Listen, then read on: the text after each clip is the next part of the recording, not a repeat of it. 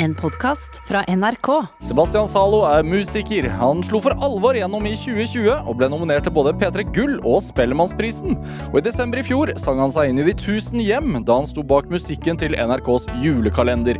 Bak seg har han en historie som skoledropout og pillemisbruker. Nå har han tatt et oppgjør med fortida. Dette er Drivkraft med Vegard Larsen i NRK P2. Sebastian Zalo, velkommen til Drivkraft. Tusen takk. tusen takk Hvordan har du det? Jeg har det fint, altså. Mm. Er det Altså, du har akkurat sluppet en ny EP. Ja. Og så leser jeg om deg overalt. Ja. I Dagens Næringsliv, på P3. Altså, det, det er masse intervjuer. Yes. Hvordan er det? Ja, det er jo Det er litt sånn at en, det føles litt ut som energien lekker, på en måte. At man bare blir liksom dratt i alle kanter, og så Man er ikke like sånn samla, på en måte. Jeg føler alle veit hva jeg gjør når jeg står opp, og selv om, ja, selv om ingen ser på meg når jeg står opp, så føles det litt sånn ut. Du, du går og føler på den? Ja, ja, litt. Det, var, det er ikke helt det samme De tingene jeg pleide å gjøre sånn tidlig på morgenen alene, sånn, sånn, nå, nå føler jeg at folk forventer at jeg skal gjøre det. på en måte For jeg, I og med at jeg har sagt at det er det jeg gjør. hvis du skjønner sånn der, Det er ikke like privat lenger. Hva er, det, hva er det du gjør tidlig på morgenen alene? Jeg bare mediterer og dusjer og trener. Som du har fortalt om i, i intervjuer. intervjuer. ja. Ja. Mm. Men det, det, det jeg bare merker at det, det, er- det, ting er litt sånn an, annerledes nå. Hvis jeg sier sånn, Etter jeg har sagt i et intervju at jeg gjør en ting, så er det ikke like fett å gjøre den tingen etterpå. på en måte Nei. Hvorfor det, tror du? Jeg vet ikke, altså, Kanskje noe med den at nå er det der ute, det er forventning, og det er ikke like Jeg, jeg har ikke peiling. Altså. Men det, det er sikkert noe med det private som er deilig. da Angrer du på at du har fortalt det? da? Nei, ja, det er jo Det her er jo det livet jeg hadde lyst til å leve, så jeg må jo bare lære, lære på veien. Ja. Og I dag er du her eh, i Drivkraft, det er jeg veldig glad for. Du er jo, eh, må, må først si gratulerer med ny EP. Eh, Tusen takk. Vi skulle bli gamle menn, eh, heter den. Mm. Eh, som tydelig er dedikert til eh, en avdød barndomsvenn. Mm. Hvorfor har du valgt å gjøre det så tydelig? Uh, ja, det er fordi det, det er en veldig tydelig greie i mitt liv. da. Øh, I hvert fall for de som jobber med meg og kjenner, kjenner meg. og og har vært med på den reisen her, i hvert fall som meg som artist, eh, så, så er- har, har det alltid vært veldig tydelig at jeg gjør det her også for Benny Benjamin. da.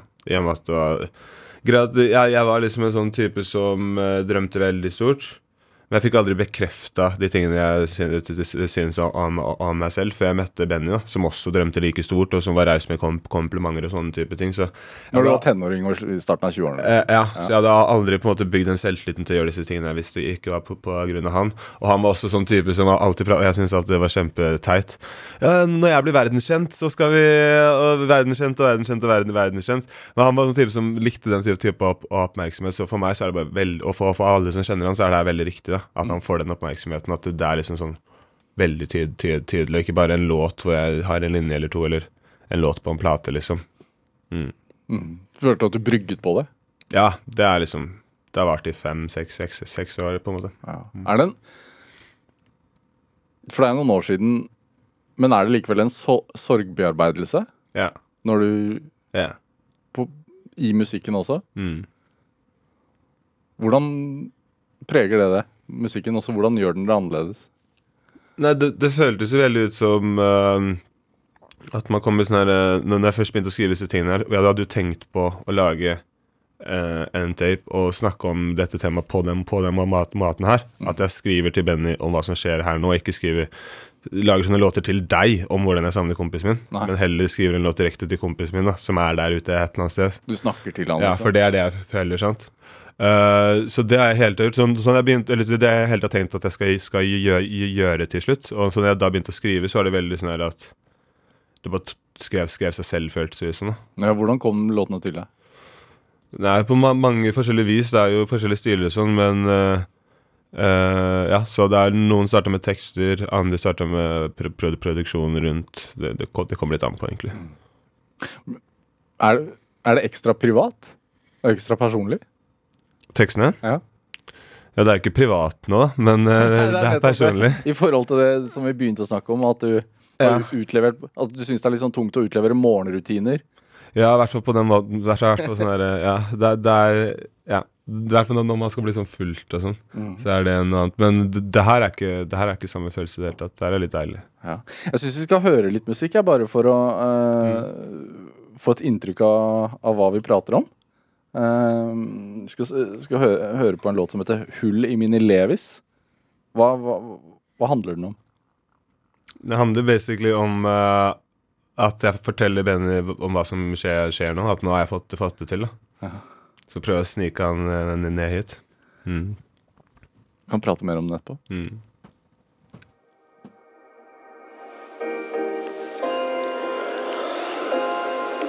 Hvordan kan jeg si at jeg savner deg når det varer evig? Hverdagen min har masse hull i som en sliten levis. Har funnet lommer hvor de aldri før har sett en bruning. Ruller opp på bygda, så du vet det er jeg som hitter scenen. Yeah. Ingen over og ingen under meg. Vi restarta oss mutter'n med bare gard, og jeg og nå kan ingen si at scenen ikke har egne seil. THC i blodet, du vet at det fortsatt drives Zalo. Yeah. For gjengen er jeg Tony Soprano. Forteller gutta ser på motstand som Pico de Gallo. Trenger gains, men mest av alt trenger folk med brains. Ansatte noen av våre med drømmen om noen better days. Lojaliteten er tettere her. Yeah. For visjonen er større enn oss skjære. De poserer i speilet med noen matchende klær. Så har du oss som ruster opp for noe hardere vær. Ok, ok, nå har jeg gjort det igjen. Snakker som om jeg ikke er kjent. Snakker som om det du slipper liksom ikke blir glemt. Yeah. Inntrykkene er mange, vet ikke hvor jeg skal begynne. Øynene lyser opp når jeg kommer til syne. De samme øynene blir tårevåte når de forteller om mine låter og hvordan det relaterer til livet. Har ikke tall på hvor mange ganger jeg takket universet. Har ikke tall på hvor mange ganger jeg krasjet. Det er ikke tall på hvor mange ganger jeg tenkte at du skulle vært her. De gir deg aldri glede uten smerte. Jeg fokuserer på de tinga som kan endres nå. God helse for alle mine, det er mitt nye mål. Du putta meg på denne veien som et veddemål. Da han tok til liv, så var det bare en vei å gå. På bursdagen så sitter jeg på hardrock på telefonen. da. Det sitter.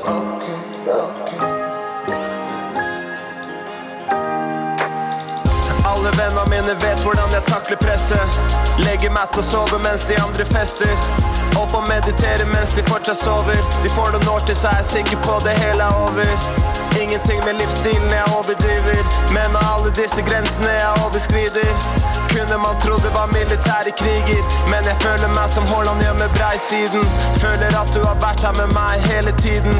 Følte du følte smerten med meg da jeg var på pillekjøret og ikke engang orket å se meg selv i speil. Det var den styggeste tiden jeg har hatt inni meg. Klarte ikke godta at Benny Ruud aldri kom tilbake.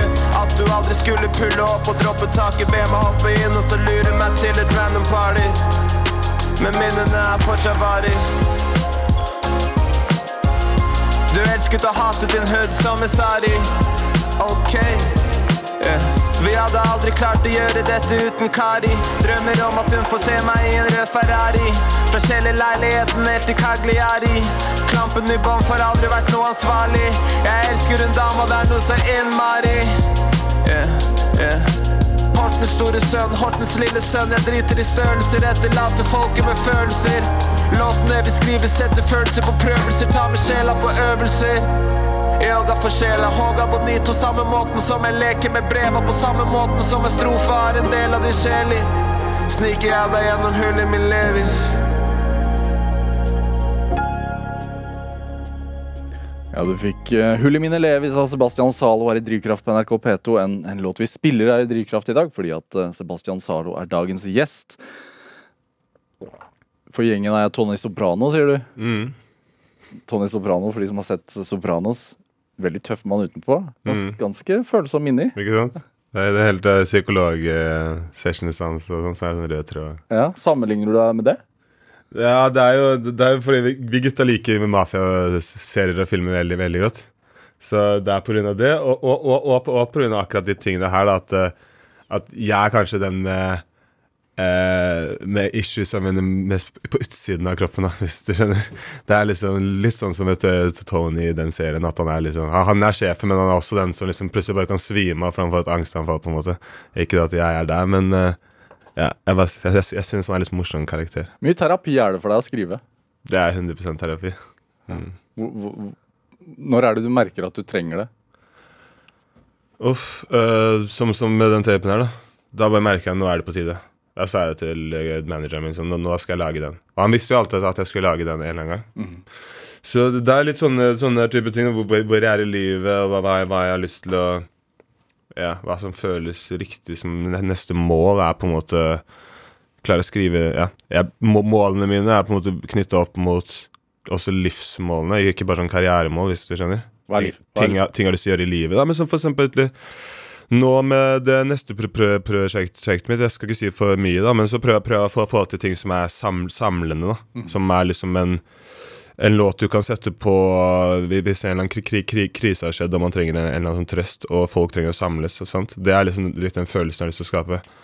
Uh, fordi jeg føler at samfunnet trenger sånne typer låter. Og nyere eller så, sånne låter. Litt sånn som Imagine kan være, for eksempel, eller skjønner, skjønner noe, noe sånt. Så det er jo siktet veldig, veldig, veldig, høyt, men det er sånne mål som jeg satt for mange år, år, siden, og så føler jeg sånn Nå er jeg kommet til et punkt hvor jeg kan begynne å prøve, prøve meg på oppgaven. Hvor får du selvtilliten fra? Innvendig, på en måte. Jo jeg, jeg, jeg, liker å tenke sånn at hvis eh, andre mennesker har fått, fått det til, så har mest sannsynlig et menneske som er ganske mye dommere dummere enn meg og ikke like bra i utgangspunkt, fått det til også. Så da bør jeg få det, få det til. Det er liksom Ja. Ingenting er umulig. Ja. Du er fra Hortens store sønn, eh, synger du i, i, i låta her. Du er fra Horten. Mm. Du har flytta veldig mye i oppveksten. ja. Jeg er egentlig født i Oslo. Ja. Og så flyttet jeg til Horten da jeg var sånn, jeg var sånn tre år cirka. Og så bodde jeg litt i et halvt år i eh, England. Et halvt år i Egypt. Sånn England før jeg begynte på skolen, og så Egypt da jeg gikk i an, an, an, andre klasse. Og så bodde jeg egentlig i Horten resten av tida. Så det var veldig sånn mye flytting tidlig, da. Hvorfor var det det? Ja, det er et godt, godt spørsmål. Det var litt forskjellige ting. Uh, mamma stu, stu, studerte, det ble slutt mellom mamma og pappa. Tidlig. Ja, da vi flytta til Horten, og da hadde akkurat morfar dødd også. Og så til, Hun studerte jo i Eng, Eng, England i et halvt år, så derfor var vi der. Grunnen til at vi flytta til Egypt, tror jeg egentlig bare var litt sånn eventyr. altså. Hmm. Hvordan var Egypt, og hvordan var det å flytte til Egypt som, som Jeg fikk veldig mye ansvar der. mann? Hvordan da? Nei, det var jo sånn at eh, jeg, jeg gikk ikke på skole der. Vi søkte om å komme inn på skolen, men så kom vi liksom inn når vi skulle dra om noen måneder, eller, eller noe sånt. Det var liksom ikke så mye vits, men uh, Og du var syv år eller noe sånt? Ja. Ja. Så det var liksom et halvt år på andre I andre klasse gikk jeg ikke på barne, barneskolen på en måte i Norge. Eh, Det, det halve året der, da. Men eh, jo, det jeg gjorde, var jo at jeg fløy mye, mye, mye rundt og var i butikker og hjalp folk liksom som jobba og liksom prøvde å holde, holde meg selv i gang da, med de tingene som man kunne. Og så var vi mye på stranda. Det var liksom nesten som en ferie. Ja. Lang ferie. Mm. Men også med en forvisning om at dere skulle tilbake til Norge etter et halvt år eh, hele veien, eller? Ja, ja, det var planen. Ja. Så en av mine beste venner var vel sånn en 22 år gammel kar som jobba i gata, eller i hjørnesjappa på andre sida av gata. Og fordi de jobba liksom sånn tolv timer hver, han- han og øh, fetteren. Og det var de eneste som jobba i sjappa. Så den var oppe hele tiden, men de bare liksom ja, sto der. Men ganske enorm forandring, da, sånn i, i hverdagen. eh, Altså Ja, ja. egyptisk virkelighet Ja, kontra Ja. Horten. ja. Hvordan opplevde du det? Nei, det var jo sikkert en del av det som uh, fucka opp litt ting eh, for meg på skolen og sånn. At man, man blir liksom ikke tatt like se- seriøst lenger, da. Når det, når det var, var i Egypt, så var det sånn Jeg kunne prisene på varene og sånn. Så når liksom mamma tok to egg sånn, så, så sto jeg og regna ikke det egget koster én pund, det koster to, ok, fire-fem pund. Og så når hun da la va- va- varene på disken, så sa jeg prisen. For at de hadde gitt en annen pris til henne fordi hun var hvit. Eh, så man har mye mer ansvar, da. Så kommer du til Norge, og så rekker du ikke opp til Rema-disken på en måte. og kan jeg være sånn å få en tyggis der oppe fra, liksom?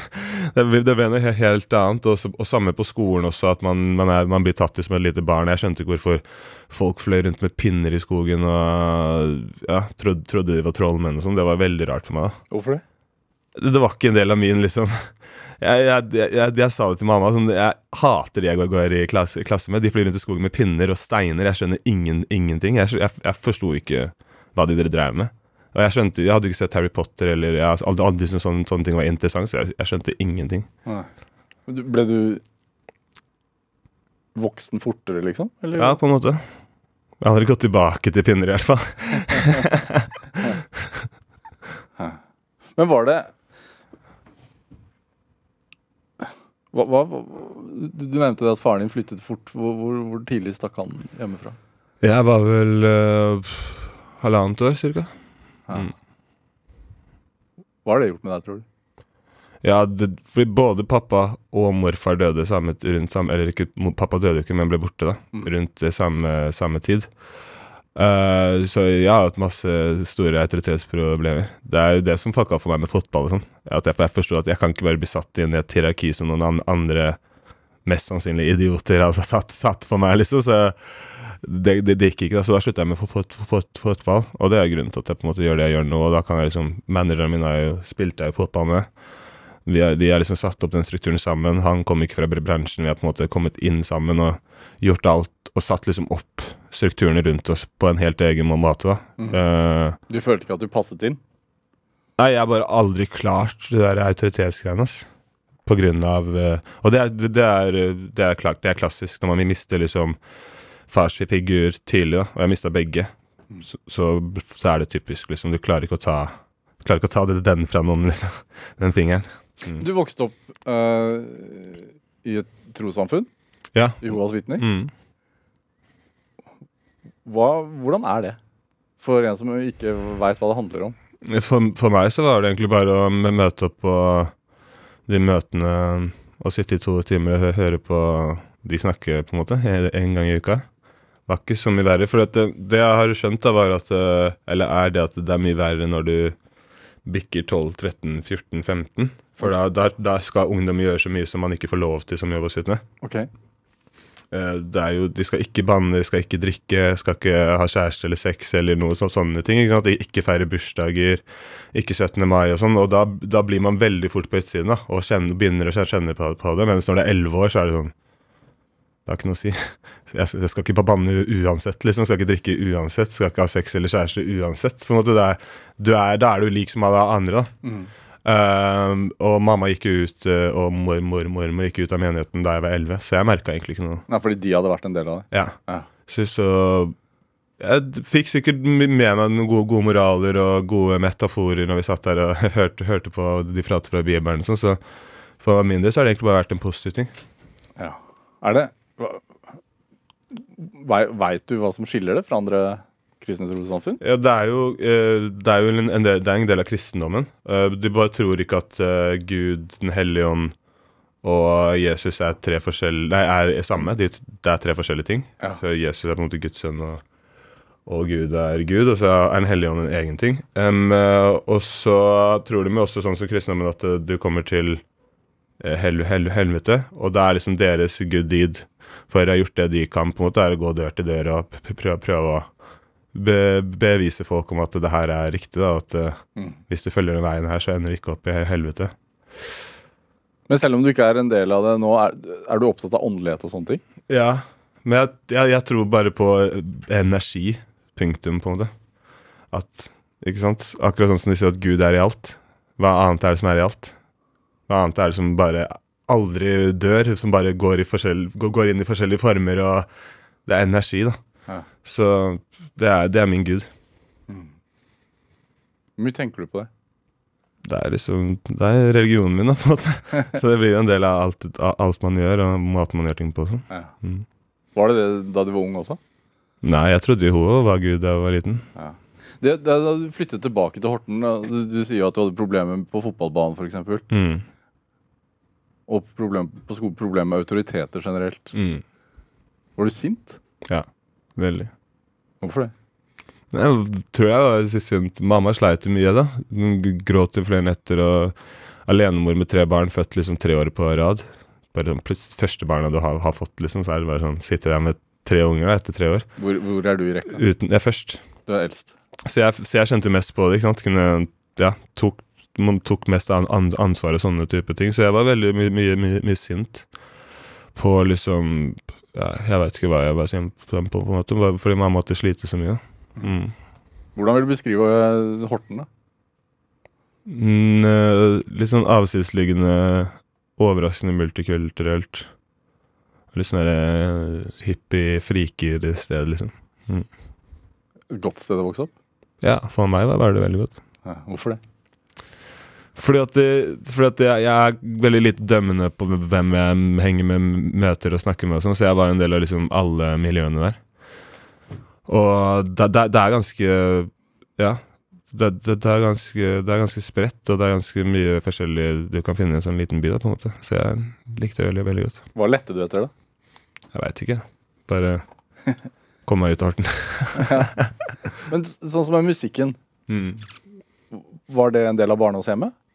Ja, vi har, mamma har alltid liksom pusha oss til å prøve å synge og spille piano og sånn. Hun har alltid sett det i oss, da. Men jeg, eh, og ikke brødrene mine, vi var mest sånn fotballinteresserte. Så vi, vi, vi hadde noen pianotimer, liksom, men det slutta ganske kjapt. De- vi- Med en gang de krasja med fotball, og sånn, så gadd vi ikke mer, da. Ja. Um, men eh, var noe, da var jeg ikke noe talent. Det var I hvert fall ikke i forhold til brødrene mine. Da hadde jeg det dårligste talentet i musikk av de tre. Hva hørte dere på hjemme hos deg? Ja, mye forskjellig, ass. Mye, forskjellig. Um, når, nå, vi, vi, vi, vi, hør, vi hørte på nå, nå husker jeg ikke hva de forskjellige tingene heter, da, men eh, jeg husker i hvert fall jeg hadde et al De alle albumene jeg på en måte var mest interessert i, var kanskje Craig David-albumet, Usher, Carpe Diem. Så jeg husker jeg vi hadde noe DDE-greier som for en eller annen sånn plate som var brent. Som var litt morsomt. Ja. Vi skal på nachspiel eh, eller noe sånt. Det, Gikk, gikk, gikk den natta. Det, det var litt lættis. Um, um, så hørte vi på mye Mamma satt på mye greier når vi va- va- vaska huset sånn, men det husker jeg ikke liksom helt hva det var. Hva med viser? Ja, det gikk jo mye, mye i det, og spesielt på sommeren og sånne, sånne type ting. Så var det jo Luring-albumet til Odd, Odd Nordstuga, for eksempel. Det, det har, vi spilt så mye. Um, og uh, dere Hva er det? Hva er det? det tror jeg, tror jeg, tror jeg bare som Best of-album av de derre som vi hadde i bilen. Som uh, gikk ganske mye. Og så hadde vi jo De hadde campingvogn på Jomfruland, og der kom jo alle disse bandene he hele tida. Og spilte? Ja. Ja. Så Vamp og de, de, de der og De Lillos og kunne Lars Lillosten være med gitar, eller skjønner du, sånn Susanne Sundfør og Ja.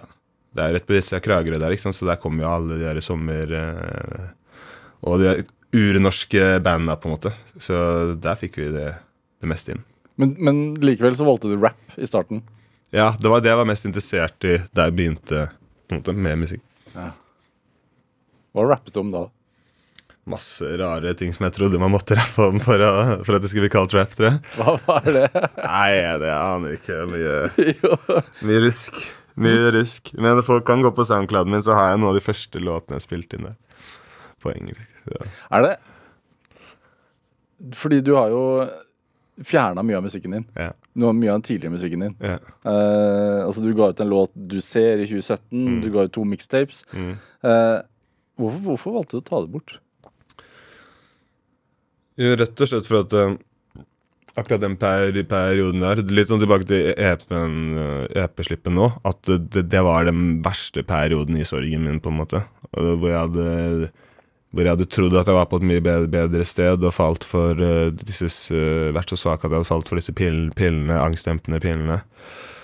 For å på en måte døyve smerten litt og sånn, og så um, lagde jeg bare masse mus musikk. da, Trodde at liksom det At hvis så lenge jeg bare uh, gikk mot målet, så var jeg på riktig retning, liksom. Og slapp det og sånn. Og med en gang jeg kom tilbake til meg selv, så angra jeg veldig på at jeg hadde sluppet det. At det i det lå at jeg promoterte min Spotify som hadde den musikken på, på en måte var egentlig ikke noe god følelse. Så med en gang jeg følte det var greit å slette den uten at jeg mista noen gigs på det, eller sånn, så, så, så, så, så gjorde jeg det. da. Det var ikke en del av deg lenger. Nei. Og det var det jo ikke heller. Det var ikke det vi solgte til arrangører, og det var ingen som ville ha det live, eller skjønner. Så de som elska det, de, de bør ha kjøpt det, på en måte. Ja. Fordi Spotify leier man jo bare musikken. Um, Sebastian Zalo, vi skal spille uh, en låt til. Uh, fordi det, altså det store gjennombruddet ditt det kom i 2020 med, Mm. med låta 'Kjære frykten min'. Også en veldig personlig låt. Ja. Kan du si hva den handler om? Det handler egentlig om det her, å prøve å komme i kontakt med frykten og bare det, det er den der når, du kjenner at uh, angsten begynner å komme, eller at man er litt urolig, da. Og så bare Hva er det det egentlig er, da? Er egentlig gre gre greia. At låta prøver å fortelle deg at gå, gå inn mot det istedenfor å prøve å flykte fra det. Hei. Jeg har ikke hørt noe fra deg, liksom. Kan du svare, svare, svare meg?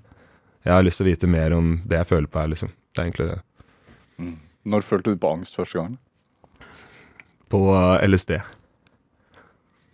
Bad trip LSD skikkelig, og så da, da skjønte jeg hva det var. Da skjønte jeg hva folk snakka om når du kjenner det klumper seg i brystet og får ikke puste og de tingene der. Mm. Hvor gammel var du da? 18, kanskje. Vi hører, hører låten? Yes.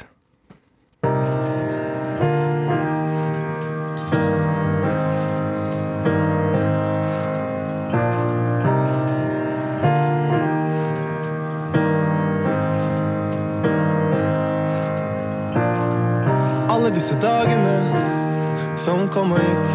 Partsjekk før jeg fikk panikk. Helt borte på et øyeblikk. Pleide å løpe rundt på banene og bare snakke dritt. Glemte til og med å chille litt.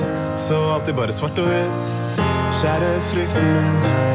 Har du hørt noe fra meg? Jeg vil prate med deg. Please, gi meg noe mer. Tar du nei for et nei? Kan du være litt grei? Blir du også drittlei? Pleide det løper rundt i gatene og bare snakke piss. Fikk alt, tok alt for gitt. Tenkte kun på meg og mitt. Ja, jeg vet jo mamma sa jo det. Følg hjertet ditt. Ingenting går smertefritt.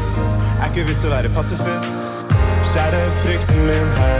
Har du hørt noe fra meg? Jeg vil prate med deg. Please, gi meg noe mer. Tar du nei for et nei? Kan du være litt grei?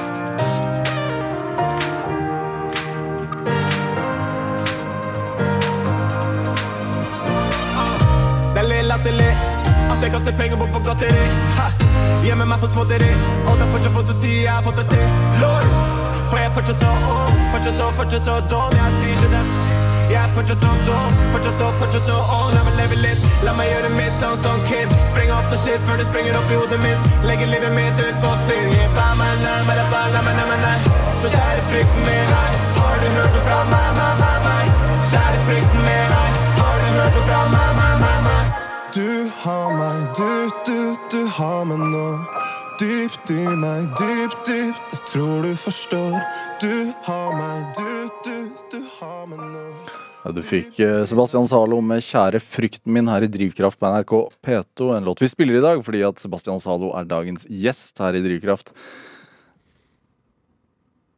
Du stammer litt. Stemmer.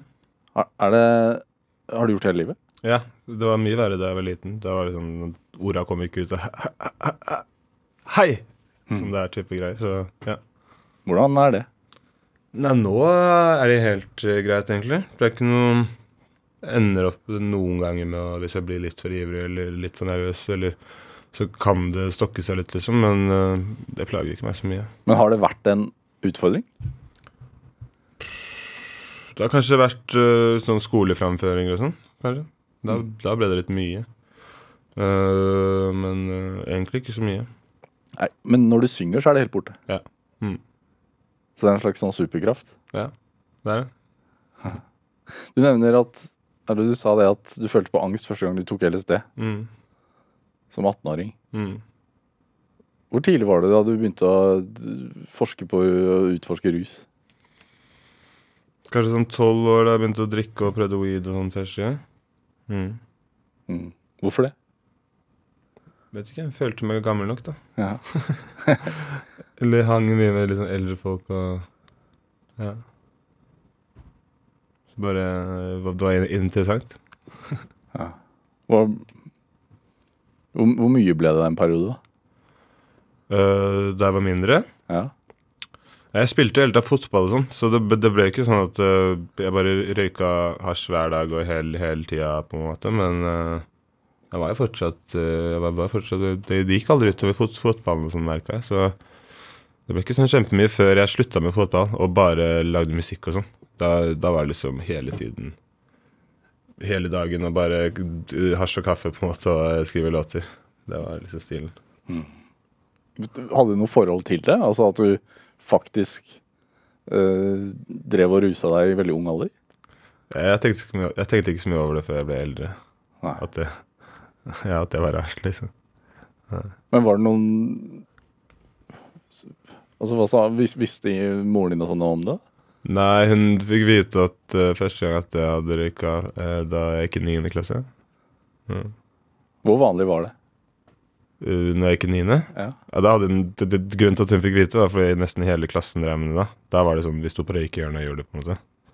Uh, så det ble en sånn trend på skolen. Mm. Men jeg var vel kanskje han som starta trenden, på en måte, så Ja, det var ikke så vanlig da jeg begynte. Sånn, det var bare meg Jeg røyka med Benjamin, han jeg har skrevet EP-en om, og en annen kompis verste gang. da. Jo, og broren min, faktisk. Eh, halvbroren min, da, som er sånn to år eldre enn meg, nesten. Så, men det var ikke sånn kjempevanlig, det. Er det hvor, hvor mye har altså, den livsstilsvalget å si for, for at, for at uh, du mista barndomsvennen din, tror du? Hmm.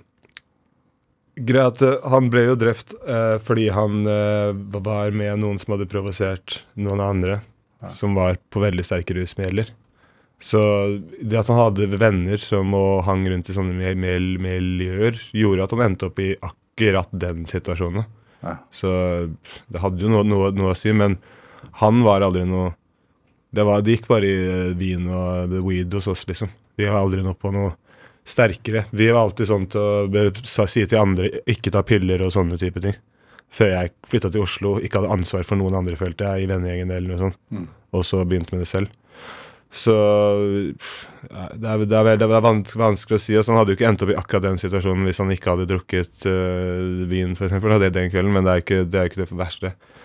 Han karen som jeg endte opp med å gjøre det her, var jo på både GHB og øh, veksthormoner og det ene og det andre, på en måte. Det er jo mye som er uvisst rundt dødsårsaken. Det er jo, ikke, det, er jo det hvis du spør politiet. Ja. Men karen har jo sittet hjemme hos foreldrene til Benny og forklart seg, liksom. Har sagt at jeg var superrusa. Jeg kan godt ha gjort det, men jeg husker ing, ingenting. Og så har han sett bi- bi- bilder av Benny. Og sånn, det ser jo, Hva er det som ser ut som har skjedd der? Ja, det ser ut som han har blitt slått med venstrehånda rett i trynet, og så en flaske, bom. Så han, han har jo sittet der og vært sånn Det kan godt ha vært meg, men jeg var superrusa. Jeg var et beist den dagen. Jeg går på steroider, jeg var på GHB, og han hadde tatt kokain eller makka eller noe sånt. Så han var bare Og det er jo, alle andre var jo også sånn De var redde for han den kvelden, og, og hun dama hadde jo tatt noe fra han, da. Du beskriver en, øh, en rushverdag som er ganske alvorlig. Ja, akkurat, Men han karen her kjenner ikke vi. Det er ikke, han er ikke fra vårt Og det er miljø, liksom. ingen som er dømt for dette her, og sånn, Nei, det må bare sies, og det er jo uvisse årsaker rundt, rundt dødsårsaken til, Ja. til vennen din. Men, men, men, men har det vært et slags sånn dypt mørke i deg som du har trengt å fylle? Er det derfor også du begynte å, å ta piller og sånn etter hvert?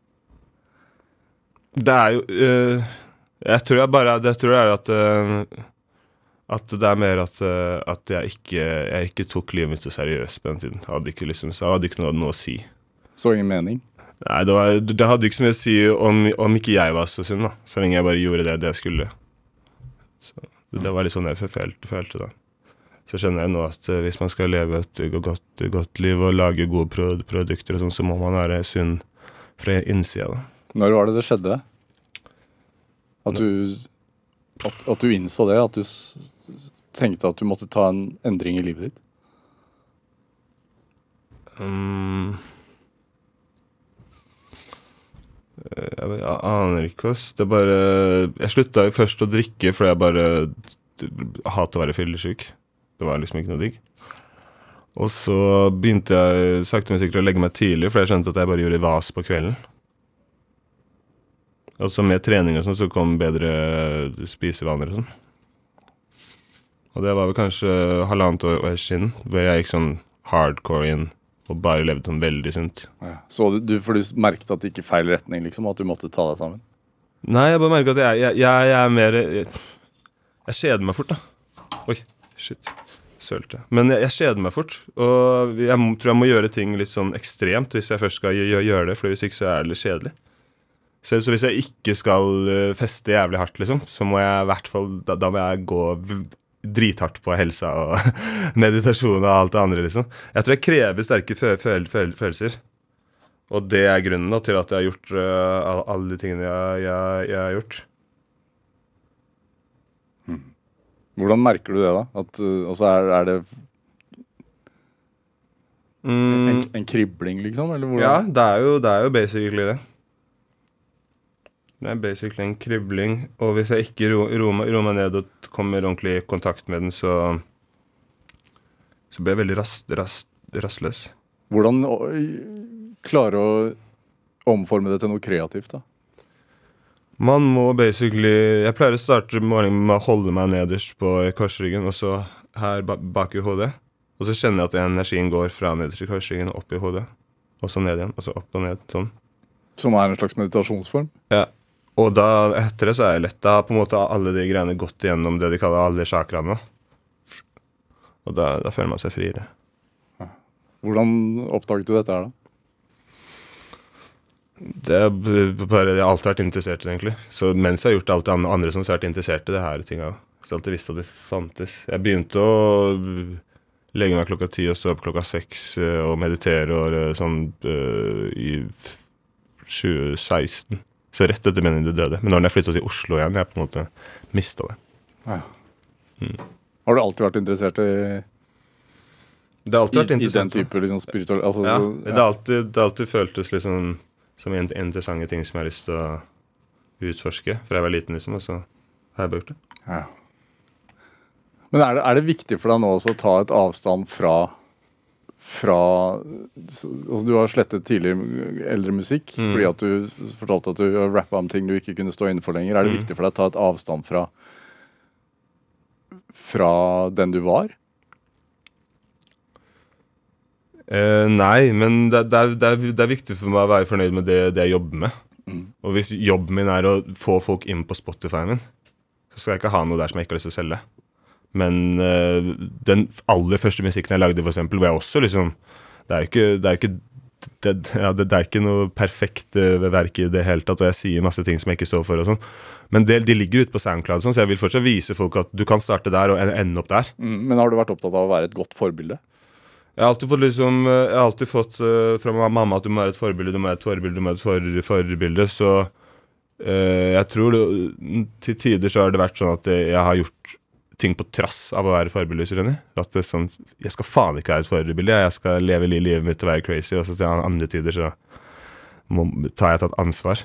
Og nå, nå er jeg liksom litt midt imellom. Jeg, jeg, jeg, jeg skjønner at jeg har et ansvar, men jeg er litt mer detached til følelsene. Sånn som jeg tenker Du lagde jo musikk til NRK sin julekalender. Mm. Eh, som gjorde jo at du brått kom inn i de susende hjem, holdt jeg på å si, og, Ja. og ble en del av virkeligheten til mange norske barn. Ja. Hvordan ser du på det? Som kjempekult. Det er jo mest 50 år gamle damer som har vært fan av meg, så nå, Nei. Jo, jo. Det er de som er, det er, de som er størst fan. Så det er veldig digg. Ja. Og barna også hører på. Hvordan ble den låten til? Magi, som den heter. Ja, de, de spurte om vi kunne lage denne låta, og så pitcha de hva serien handla om. Og så ble jeg veldig gass for at det handla om eh, mindre pre privilegerte. da. Folk som lever når Norge var, da, da Norge var fattig. og... Og de, de tinga de må på en måte deale med der, da skal jeg gi dette brødet her til halvparten til pappa, eller skal jeg gi det til bestevennen min? liksom? Eh, sånne type spørsmål som ikke, vi, som ikke er en del av vår hverdag i, i, i det hele tatt. Det syns jeg er veldig kult. Så vi prater mye rundt det temaet der, om at det er mange som gruer seg når jula kommer, og sånne, sånne type ting. Og så var egentlig magi det første vi lagde. Vi lagde sånn tre ting, da, men det ble magi. Mm. Hvordan, hvor mye er, er- det av deg i den låta? Hvor, hvor, hvor mye det er av meg, det vil jeg si sånn 98 prosent. Ja. Så du kan kjenne deg igjen i de følelsene? Ja, ja. Vil du høre? Mm.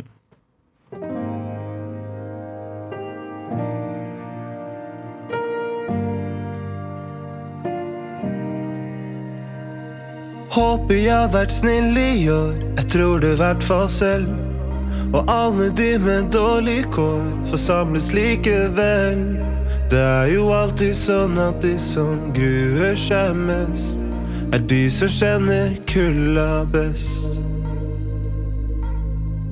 Men denne julen skal jeg fly. Gjøre meg selv om til ny. For fly er noe alle kan. Og denne tida har magi.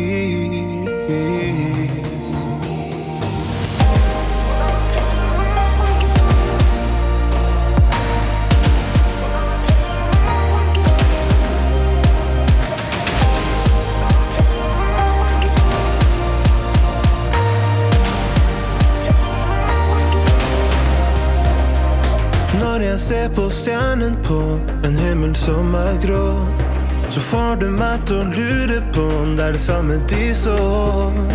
Det er jo alltid sånn at de som gruer seg mest, er de som skjønner kulda best. Så denne julen skal vi fly.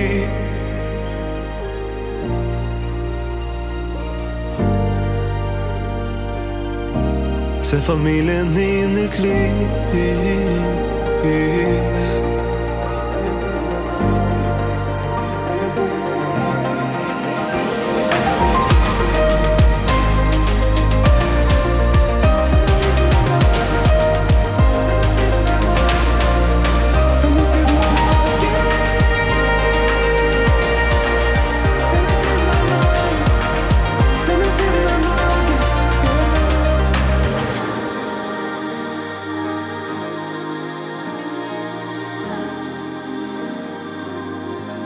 Denne julen skal jeg fly.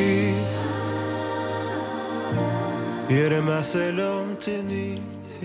Ja, Du fikk eh, låten 'Magi' av Sebastian Zalo her i Drivkraft på NRK P2. En låt vi spiller i dag fordi at Sebastian Zalo er dagens gjest her i Drivkraft.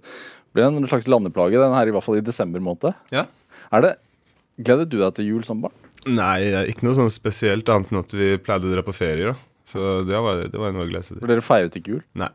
Hvordan er det Fordi jul er jo høydepunktet for veldig mange barn. Mm. Hvordan er det å ikke feire det? Jeg tror jeg kunne svart på det hvis jeg hadde starta med å feire jul, og så slutta å feire, feire jul, på en måte. Men eh, på noe mindre så er det liksom det har, ja, Nei, jeg, jeg, jeg, har liksom ikke Jeg veit ikke. Det, det har vært fint. Ja. Jeg har ikke følt at jeg har mista noe, i hvert fall. Nei. Det med å synge, Ingen, når begynte du med det? Uh, jeg har liksom alltid sunget mye hjemme med brødrene mine i bilen, og så sendte mamma meg til sangpedagog da jeg var sånn kanskje elleve år eller, noe sånt. For hun hørte at Ja, hun ville alltid alltid at vi skulle drive med musikk. Ja. Hun ville at vi skulle være en gruppe, vi tre. Sånn Jackson 5-stilen, liksom. Hvorfor det? Fordi vi, hun mente at det hadde tatt av og- Ja. At det, det ville funka, men vi, vi hadde ikke lyst til det. Hun, hun hadde sikkert en eller annen drøm om å bli sånn manager-mom. Er Sånn Marcus og Martinus-stilen. Men eh, det, det ble aldri noe av. Ehm, hva var det du spurte om igjen? Jeg spurte om sangen. Ja, når vi begynte å synge. Ja. Ja, det var da. Likte du det da? Ja, jeg har alltid likt å synge. Jeg sang på sånn eh, Jeg tror jeg gikk i sjette klasse Nei, åttende klasse, så sang jeg på sånn skoleavslutning-ting og sånn. Ja. Hvordan har du lært deg å synge? Jeg sang den derre I'm loving angels instead Ja. and through it all. Eh, det er der bare Jeg gikk jo likt til sangpedagog, og så har jeg bare brukt YouTube de siste, de siste årene. Også. Bare funnet øvelser der og sånn. Mm. Hva er det for noe? Hva YouTube er? Nei, det vet jeg. Hva, hva slags øvelser? Eh, sånne lyder sånn, sånn Sånne der type ting, og litt sånn forskjellige ja, pusteøvelser og vokale lyder og sånne ting. Mm. Du har sittet hjemme og Jeg har bare sittet sånn og laget forskjellige typer lyder. ja. Hvis du skal beskrive altså sånn hva, Du sluttet med musikk fordi du begynte med fotball, så var, musikkdrømmen var ikke noe eksisterende for deg som liten? Uh, jo, jeg, jeg, jeg husker jeg hadde jo masse sånn derre hvis jeg hadde hatt en tidsma- en tidsmaskin, så hadde jeg tatt alle disse låtene her og lagd dem på nytt og sånn. Det Jeg tenkte sånne ting, så eh, jeg var veldig fan av musikk og syntes alltid det var gøy. gøy sånn. Men Hvilke, hvilke låter? skulle du lage på nytt? Jeg tror det var- noen Black Eyed Peas-låter og Outcast-låter sånn som jeg digga, husker jeg. Uh, yeah. Så jeg har alltid vært fan av, av musikk. Som da når liksom, jeg skjønte at ikke fotball var helt for meg, så var det enten det eller skuespiller jeg på en måte gikk, gikk for. da Ah. Og så skjønte jeg at med skuespill så er det mye stress. Du må først liksom være god nok til å få rollen, da. Så den self-tapen må være bra, ikke sant. Og så når du først har fått den, så må du kanskje ja, Kanskje på en audition til, da, eller, eller noe sånt. Og så må du øve masse, og så er det din tur i en bitte liten stund, og så må du sitte og vente på alle andre sin tur som skal spille greier. Og en lite action, da, og mye liksom venting, og mye av det hierarkiet, ikke sant, som jeg ikke jeg digga. Så med musikk så var det liksom Da kunne jeg bare starte med å lage en låt, og så finne team, og så kunne vi gjøre det på vår måte, på en måte. Ja. Litt sånn som jeg har gjort det nå. Men hva var det som var tiltrekkende? da? Det å bli sett? Eh, det at man kan gjøre alt på egen hånd. Mm. At man liksom kan bare Du kan lage en business basert på venner. Og det, den kunsten og det, å lage fine, kule ting som dere syns er kule, liker å se på til vanlig, liksom, og så leve av det. da Det er jo bare kjempe, kjempekult. Og hovedsakelig for meg så er det ikke det der å Jeg har alltid følt meg sett, på en måte. Det er kanskje, Det kan hende at det helt innerst inne så har jeg en sånn For i og med at brødrene mine er født sånn ett og to år etter meg, at jeg har en sånn der Da jeg var bitte liten, så følte jeg sånn Faen, nå har jeg mista oppmerksomheten. Og nå har jeg Så hele livet har vært sånn der Prøvd å komme tilbake inn i rampelyset. Det veit jeg ikke, men øh, annet enn det så liker jeg den tanken med å kunne jobbe med folk man liker, og som man har valgt selv. Mm. Det er egentlig det som er mest app app appellerende. Så det jeg kanskje er mest stolt av det jeg har fått til, er manageren min. At han nå er- en bauta i ind industrien. Jo- Jobber med masse flinke folk som ikke vi kjente da vi starta på en måte i, det- det hele tatt. Og, og bare blitt kjempeflink, da. Og så starta vi liksom der inn på rommet mitt og rundt i låtene og begynte å drømme. At det liksom, et sånn lite frø kan vokse og bli stort, og at man liksom kan gjøre det med venner, er egentlig det er, det, er, det er det som driver meg mest, tror jeg. Hvor mye hardt arbeid har det vært? Ja, det er jo veldig mye hardt arbeid. Altså, I starten er det ingen som bryr seg. Det er det som er hardt. At nå kan vi lage en låt, og så ikke sant, ma ma ma Magi, da. Tok kanskje ikke sant, en time å skrive den teksten, og så får man så mye hype, og folk elsker det. og mens i starten så er det ingen Du, du føler du skriver tidenes tekst, og så viser det til noe øh, Eller så føler du at du bare får skryt fordi at øh, det er kompisen din, eller noe sånt. Og ingen hører på det og sånn, så i starten så føles det veldig tungt. Og så kommer du på en måte over, over en kneik, og så får du liksom mer skryt enn du føler du fortjener. da. Så ja. Men Liker du skryt, da? Hvis det er noe jeg har lyst til å få, få til, som jeg er litt usikker på om jeg ikke helt har fått til, da. og så sier de sånn 'Å, jeg syns det var dritfett det der at du gjorde det der og det og det', og så er det liksom ikke obvious at jeg har gjort det, så er det sånn 'Å, yes'. Den, den tar jeg til meg. Men hvis du sier 'Ja, kult det du driver så på', så, bare, så, så er det bare sånn 'Ja, fett. Kult at noen støtter meg', men jeg tar det ikke så sykt til meg. Liksom. Det er ikke noe sånn Jeg kan jo ikke bli høy hver gang noen gir meg et kompliment, liksom. Det, det blir for sykt. Er det du, du, blander jo sjangere Ja. en del. Mm. Blant annet samarbeida med Odd Nordstoga. Mm. Uh, August Stubø lager en, eller produserer en del av musikken din, Mm. som har en jazzbakgrunn. Yes. Hvor viktig er det for deg å Altså, Hvorfor er du så interessert i å krysse forskjellige sjangere? For meg så er musikk bare musikk. At uh, Ja. Er, er, du, er du flink til å skrive med mel melodier og tekster og sånn, så har det ikke noe å si hvilken sjanger det er i. Hvis du tar Dolly Parton eller Tix for den saks, saks skyld. Du ser jo Han har fått med den Ava Max-låta. sånn, Det er et klassisk Tix-melodi, men de gjorde det kjempebra internasjonalt. ikke sant? Så for, så for meg så er, handler det egentlig bare om å Jeg syns det blir kjedelig også, når jeg følger en artist, og så veit jeg hva neste album skal høres ut som. Så jeg, jeg liker litt det der som, samme som man, jeg har når jeg følger Kanye West. da At jeg aldri vet hva slags sound neste album skal ha. Mm. Jeg liker den følelsen der. Så det er egentlig Jeg blir bare lyst til å skape litt sånn spenning og ja, liksom være litt uforutsigbar, rett og slett. Syns jeg er kult. Hvordan kom samarbeidet med Nordstoga til det? Det var når jeg, når jeg starta på det albumet, så hadde jeg Jo Nesbø og Odd Nordstoga på en måte på lista. Så turte Som du ville. Ja. Så, så turte jeg aldri å kontakte Jo Nesbø. Så, så, det ble, så, så, så det ble kun Odd, da. Ja. Men han, han, han var med, da. Så det ja. var kult. Ringte du han selv, eller hvordan? Nei, vi, vi, vi hadde jo denne planen der, og så signa vi en lisensieringsavtale med Universal. Og så fortalte vi ja, er, vi, vi tenker å få med Odd på plata. Sånn, og, ja, vi, og, og, Odd er jo signa her, så vi kan jo ta kontakt, vi og sånn. Og da fiksa de, de, de det. Men jeg fikk aldri noe svar. da Vi bare sendte han låta, og sånn, og så gikk det to måneder, og så svaret var at han hadde lagd den. Ja. Så han bare sendte en fil tilbake på det. Så det var litt morsomt. Hva er, også sånn hvis du møter 18-åringer eh, som minner om deg selv på et vis, så, Mm. som du var da du var 18 år, hva er rådet ditt til de sånn i forhold til musikken? Hvor begynner man, liksom? Jeg, jeg spør dem først hva er det du vil. For du får, du får disse henvendelsene?